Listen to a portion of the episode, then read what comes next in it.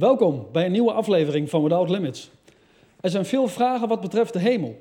En een aantal van deze vragen gaan we vandaag beantwoorden met niemand minder dan Frank Ouweneel. Frank, van harte welkom weer bij Without Limits. Dankjewel. Fijn dat je weer tijd hebt vrijgemaakt om hier te zijn. Uh, ja, over de hemel. Wat is de hemel?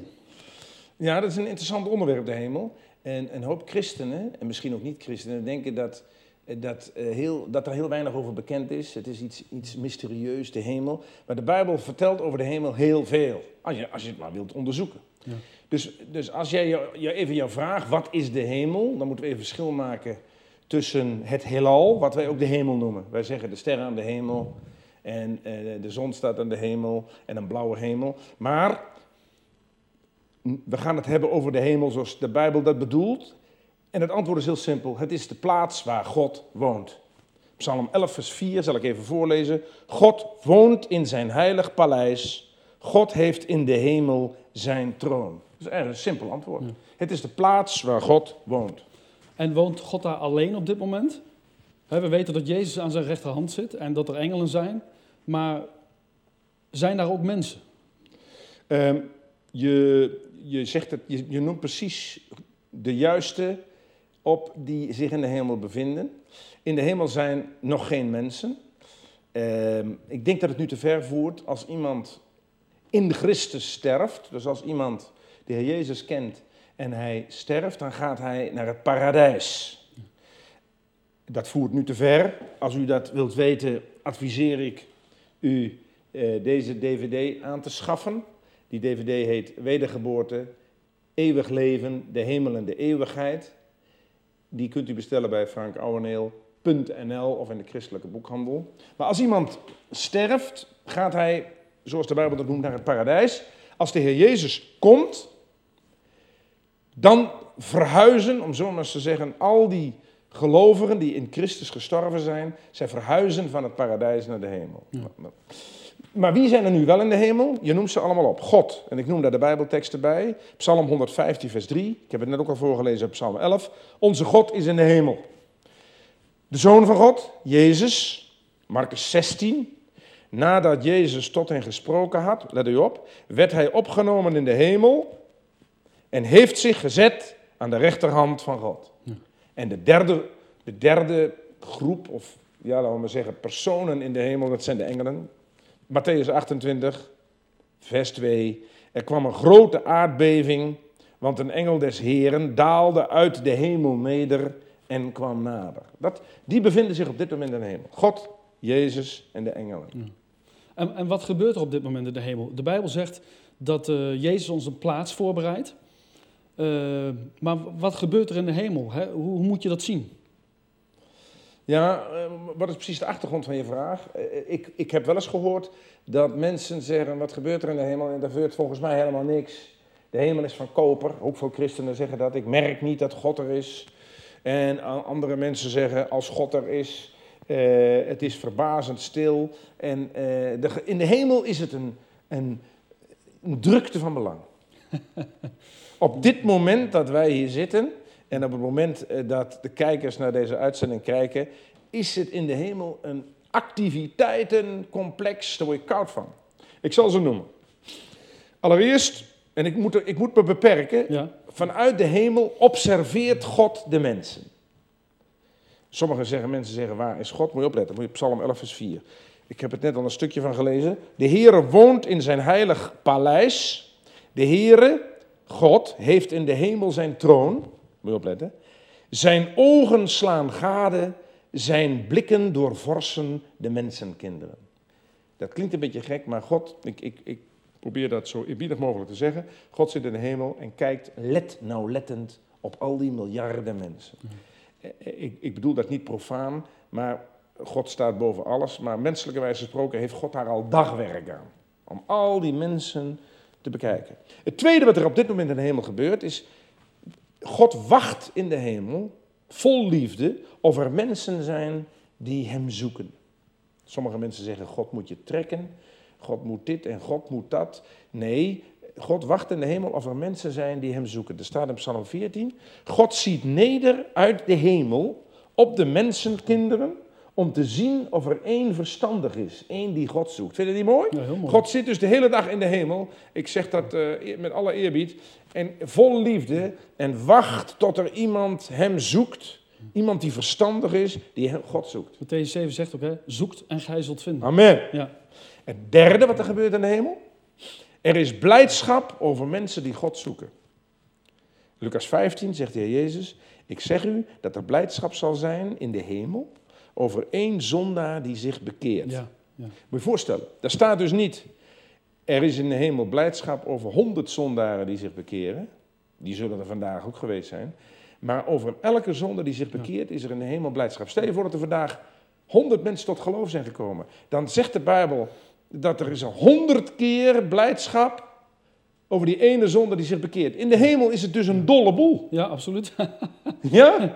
Eén groot feest, want constant komen mensen tot bekering, zegt de Bijbel. Hè? Ja. Wat ik nu zeg, het verzin ik niet, het zegt het woord van God. Volgende is, heb jij al genoemd, dat de Heer Jezus is bezig ons een plaats te bereiden. Johannes 14, Jezus sprak in het huis van mijn vader zijn vele woningen. Ik ga heen om u plaats te bereiden. En wanneer ik heen gegaan ben en u plaats bereid heb, kom ik weder en zal u tot mij nemen, opdat gij ook zijn moogt waar ik ben. Mooi. Dat is mooi. En het laatste, en dat is natuurlijk heel mooi, in de hemel bidt Jezus voor ons. Er staat in Romeinen 8, Christus Jezus die aan de rechterhand van God is en voor ons bidt. Dus wij maar denken in de hemel gebeurt niks. God is in de hemel en zit daar maar een beetje te kijken, vergeef me dat ik het zo zeg. In de hemel wordt hard gewerkt. God kijkt naar alle mensen. God wacht of iemand hem zoekt. Ehm, ehm, de Heer Jezus bidt daar voor ons. Er is blijdschap over elke zonde die zich bekeert. Er, er, er, ehm, er is feest. En, en, en de Heer Jezus is ons aan het plaats bereiden. Nou, het zijn dat maar vijf dingen die ik noem. We moeten ons beperken. Maar dat wil zeggen, in de hemel gonst het van de activiteit. ja, prachtig. Tussen God de Vader, God de Zoon en de engelen. Dus dat is gewoon top. Dat is gewoon top. Nou, nou is het zo dat, dat, dat veel mensen, eh, die, die hebben wel eens een getuigenis gegeven dat ze een bijna doodervaring hebben gehad en dat ze in de hemel zijn geweest. En dat ze daar dan Abraham gezien hebben en, en, en Noach en, en dat ze allerlei mensen uit het Oude Testament bij wijze van spreken zagen rondlopen. Maar als ik jou zo hoor, dan kan dat dus eigenlijk niet. Want die Nee. zijn op dit moment niet in de hemel. Nee, maar dat eh, voert te ver. Eh, het kan zijn dat iemand in een visioen, ehm, in een visioen dat gezien heeft. Maar dat kan ook zijn dat hij een visioen heeft gehad in het paradijs, maar dat de hemel noemt. Maar vergeet even één ding niet. Van Paulus wordt gezegd dat hij in de derde hemel geweest is. Dus dat is nog niet eens de eerste, maar de derde. Het derde niveau. Moet je opletten. En Paulus zegt, ik heb daar dingen gezien die het een mens niet vergund zijn uit te spreken. Dus als iemand tegen mij zegt, ik heb in de hemel, ben in de hemel geweest, of in het paradijs of wat ook, dan mag hij daar niet over praten. En Paulus zegt, eh, Paulus is daar echt geweest, want ja, je moet uitkijken voor bakerpraatjes. Paulus is daar echt geweest. En Paulus zegt, ik heb dingen gezien en het is een mens niet vergund daarover te spreken. Dus iemand die mij zegt, ik ben in de hemel geweest in het paradijs, ik heb daar dit gezien. eh, A, zet ik er gewoon de vraagtekens bij. B, als het al zo is, moet hij of zij daarover zwijgen. Maar wees voorzichtig met sensatieverhalen. Wees voorzichtig met dit soort dingen. Ja, want net wat je al zegt, hè, misschien hebben ze een visioen gehad, een droom, hoe dan ook. Eh, mensen kunnen het ook verkeerd interpreteren natuurlijk.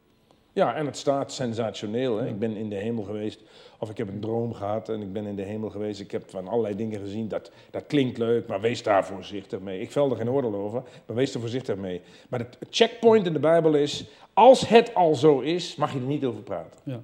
Ja. Er zijn ontzettend veel boeken verschenen over mensen die zogenaamd in de hemel of in het paradijs zijn geweest. Hele dikke pillen over wat ze allemaal gezien hebben. Nogmaals, het mag niet. Als je er al geweest bent, hè? ik zeg dat erbij. En als mensen sterven, gaan ze dan gelijk naar de hemel? Dus niet schijnbaar. Nee, nee, maar dat kun je allemaal op mijn prachtige DVD vinden. Want dat, dat is werkelijk een uitzending apart. Ja. Want dit is een dubbel DVD, hè? Dit is een dubbel DVD. En eh, het onderwerp is wedergeboorte, eeuwig leven, de hemel en de eeuwigheid. En, en wat die onderwerpen horen bij elkaar. En, en, en hoe dat eh, precies gaat. In het paradijs en de hemel vind je in de gelijkenis van de rijke man en de arme Lazarus. Daar legt de Heer Jezus dat gelukkig zelf haarfijn uit. En, ehm, en het gaat ook nu niet over wat gebeurt er als iemand sterft. Het gaat, ons onderwerp in deze uitzending is echt de hemel. En ik denk dat we ons daartoe moeten beperken. Misschien dus een keer in een andere uitzending. Ja. Wat gebeurt er als iemand sterft? En, en, en uiteindelijk gaan we natuurlijk wel naar de hemel. Ja. En, en eh, waarom gaan christenen uiteindelijk naar de hemel? Vind je dat niet fijn? Ja, heerlijk. Maar Waarom- ik ja, wil er zijn mensen die vragen zich dat af. Ja. Er zijn eh, christenen die zeggen, wat moeten we nou in de hemel? Het is hier toch fijn? Ik heb laatst iemand horen zeggen, ze- die zegt, eh, we hebben hier een hemel op aarde. En het is hier toch geweldig? Ja, dat is een beetje, beetje dom. Misschien in Nederland. Misschien hebben we het in Nederland zo verschrikkelijk goed. En, en zoveel welvaart dat we het gevoel hebben, het is een hemel op aarde. Maar spreek eens gelovigen in Noord-Korea of in landen waar vervolging is. Het is een beetje Nederlands is dat. Een beetje binnen de grenzen. We hebben het hier zo geweldig, wat moeten we in de hemel? Dat is, dat is eh, jammer als iemand dat zegt. Het antwoord op je vraag, waarom gaan christenen uiteindelijk naar de hemel, heeft te maken met Jezus Christus die op dit moment in de hemel is. En dat vergeten wij wel eens. Als wij het hebben over de hemel of wat ook, denken wij aan onszelf. Ik vind het hier veel te leuk, ik wil niet naar de hemel. We hebben al eerder gelezen in Johannes 14 dat de Heer Jezus zegt, in het huis van mijn vader zijn vele woningen. Ik ga heen om uw plaats te bereiden.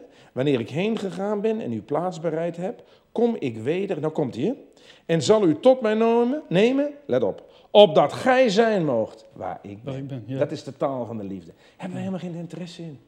Heer Jezus, ik hou van u en u bent in de hemel geweldig, maar ik wil voorlopig nog even hier blijven, want ik vind die veel te leuk. Dat is heel raar. Let op. De Heer Jezus is dus nu in de hemel. We hebben dat al eerder gelezen, Marcus 16. Jezus had tot hen gesproken en werd opgenomen in de hemel en heeft zich gezet aan de rechterhand van God. Oké, de Heer Jezus is in de hemel. Maar wat heeft de Heer Jezus gedaan op het kruis van Golgotha? Daar heeft Hij ons gekocht. Ja. Openbaring zegt, gij hebt ons goden gekocht met zijn bloed. Eh, Paulus zegt in 1 Korinthe 6, gij zijt voor een dure prijs gekocht. We vinden dat prachtig in de, in de geschiedenis van de schat in de akker en de parel van grote waarde. De Heer Jezus heeft ons gekocht met zijn bloed. We hebben er wel duizend liederen over. Maar dat betekent dat wij zijn eigendom zijn. De Bijbel zegt ook, hè, wij zijn niet van onszelf. Precies. En de Heer Jezus, en de, en de, en de Heer Jezus, en er staat in de Bijbel dat die de bruid heeft, is de bruidegom. En, en, en, de, en, en wij zijn het eigendom geworden van Christus. Waar is de Heer Jezus? In de hemel. Hij is ons, onze eigenaar. Hij heeft ons gekocht op het kruis. Wij horen dus te zijn waar Hij is. Amen. Hij wordt in de Bijbel, we hebben het al eerder genoemd, de bruidegom genoemd, wij de bruid. Wat heb je nou nou aan een bruidegom en een bruid? Eh, we hebben het er al eens eerder over gehad, waarbij de bruid woont in, eh, op de Schelling Ja. en de bruidegom in Zuid-Frankrijk. Dus onze bruidegom is in de hemel. Wij zijn zijn bruid, samen met de Joden en de heidenen vormen wij de bruid. Wij horen dus daar waar hij is. Amen. Amen. Daarom zegt Paulus, en nou komt de clue, hahaha, Filippi 3, wat zegt Paulus? Wij zijn burgers van de hemel. Nee, zeggen een hoop christenen, wij zijn wereldburgers, we moeten dit, we moeten dat, we moeten zus. Leuk, maar dat staat nergens in de Bijbel. Paulus zegt in Filippi 3, jullie zijn al burgers van de hemel. Je bent er alleen nog niet, maar dat is een kwestie van tijd. Dat is een kwestie van tijd. En iemand die bijvoorbeeld in een Canadees staatsburger is en een poosje in Nederland is, eh, ook al is die drie maanden in Nederland, blijft Canadees staatsburger en dan gaat op een gegeven moment weer terug naar Canada. Ja. En i- iemand die de Heer Jezus gekocht heeft met zijn bloed, jij en ik en alle gelovigen in het land. Wij zijn burgers van de hemel. Filippi 3 vers 20, let op. Wij zijn burgers van de hemel, waaruit wij de Heer Jezus Christus verwachten. Filippi 3 vers 20. Er is geen woord Frans bij, ook geen woord Spaans. Mooi. Dat wil zeggen, Paulus zegt, jullie zijn hemelburgers, nog een kwestie van tijd en dan ben je daar. Waarom?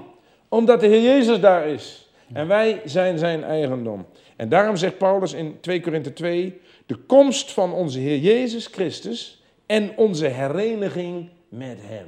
Ja. Amen. En daar mogen we naar uitzien. Ja, en daarom is het een beetje verdrietig dat dan op christenen zeggen, ja, het is hier toch veel te leuk, en, eh, waar moeten we nou in de hemel? Nou, eh, ik, ik, ik, ik weet niet hoe het met jou is, maar ik hou toevallig van de Heer Jezus en ik wil bij Hem zijn. Amen. En dat wil niet zeggen dat ik het hier beroerd heb of wat ook. Daar heeft het niks mee te maken. Het heeft te maken met onze liefde voor de Heer Jezus. Ik wil zijn waar Hij is. En ik weet dat Johannes 14, dat Hij daarna verlangt ons te hebben waar Hij is. Dat verlangen moeten wij ook hebben. Ja.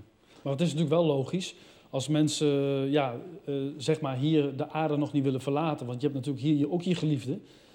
Maar daarnaast is het wel heel belangrijk inderdaad om eh, naar Jezus uit te zien. En ook naar hem te verlangen. Ja.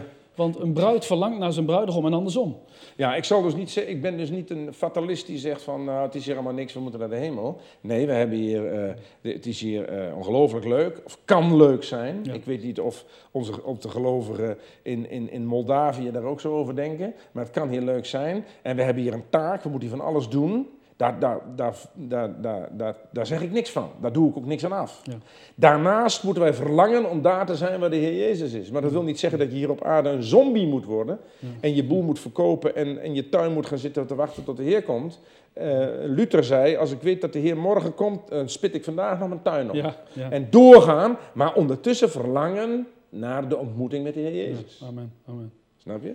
En als we eenmaal in de hemel zijn, hè, de grote vraag, wat gaan we dan doen? Want Oh. veel mensen denken dat we alleen maar lopen te zingen en de Heer lopen te prijzen. Ja, dat lijkt mij, dat lijkt mij eh, niks. Dat lijkt mij niks. maar eh, de, de, de Bijbel leert, en hoef je niet bij te verzinnen, dat, en daar ontbreekt ons de tijd voor, maar we gaan in de hemel twaalf dingen doen. Hey, hey, Twaalf dingen. twaalf Nou, dingen. ik ben benieuwd. Eh, eh, ik noem er daarvan zeven. Oké.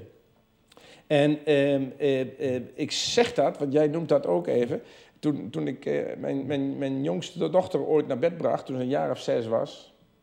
Toen bracht ik haar naar bed en zei ze, papi, ik wil niet naar de hemel. Ik zei, waarom niet, meisje? Nou, de hele dag zingen. Dat, eh, dat lijkt me helemaal niks. Ja, en, en toen ben ik dat eens een beetje gaan bestuderen.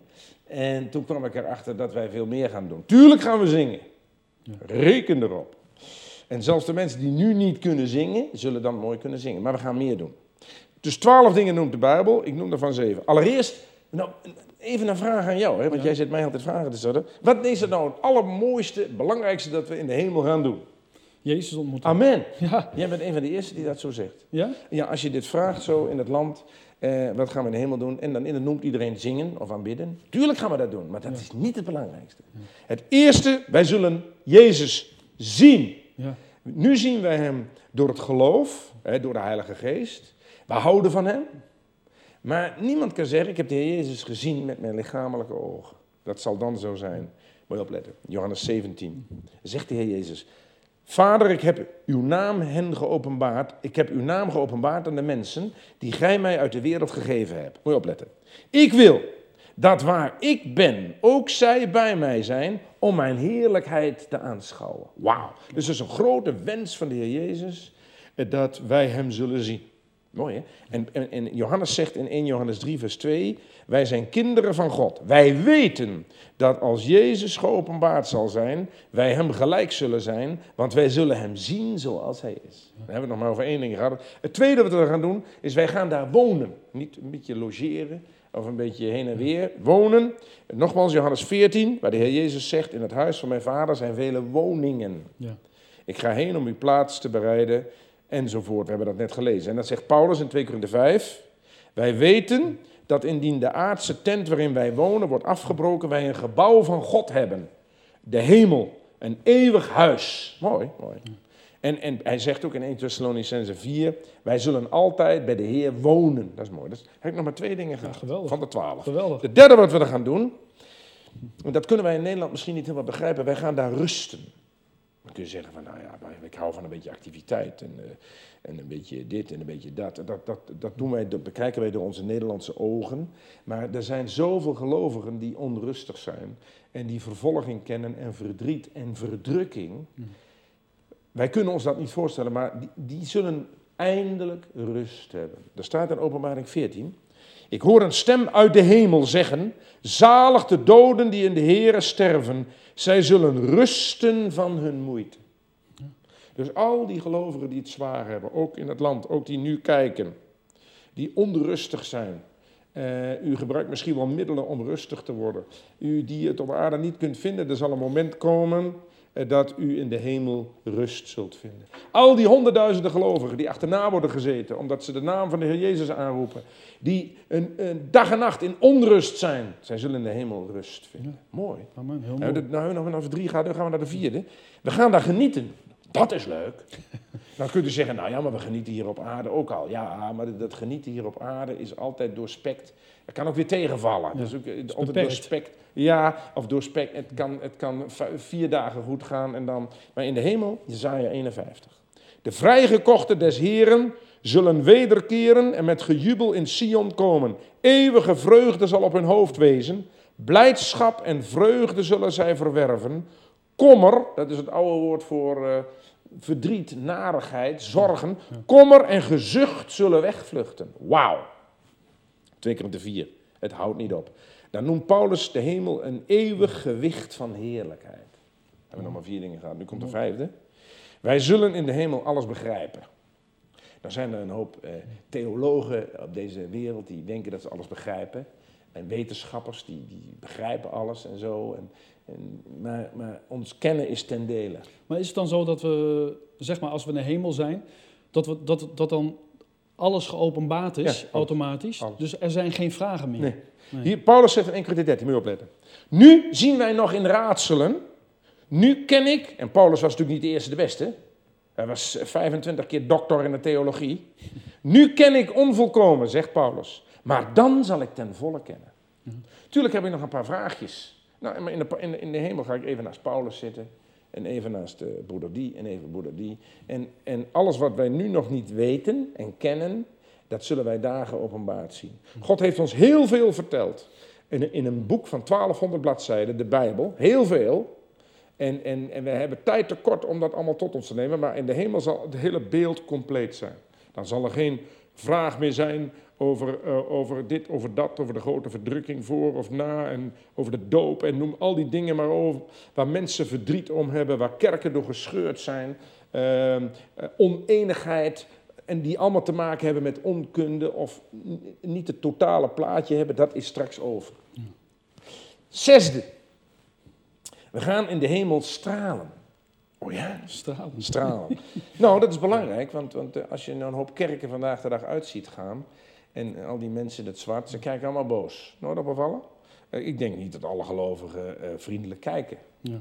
En uh, ik heb wel eens iemand horen zeggen van nou, die en die, die noemt zich christen, maar hij kijkt altijd boos. Ja. En hij heeft verdriet en, en, en, en, en ook als hij blijdschap heeft, dan, is het, dan kijkt hij zagrijnig. Ja, christenen worden over het algemeen zagrijnig genoemd, wist je dat?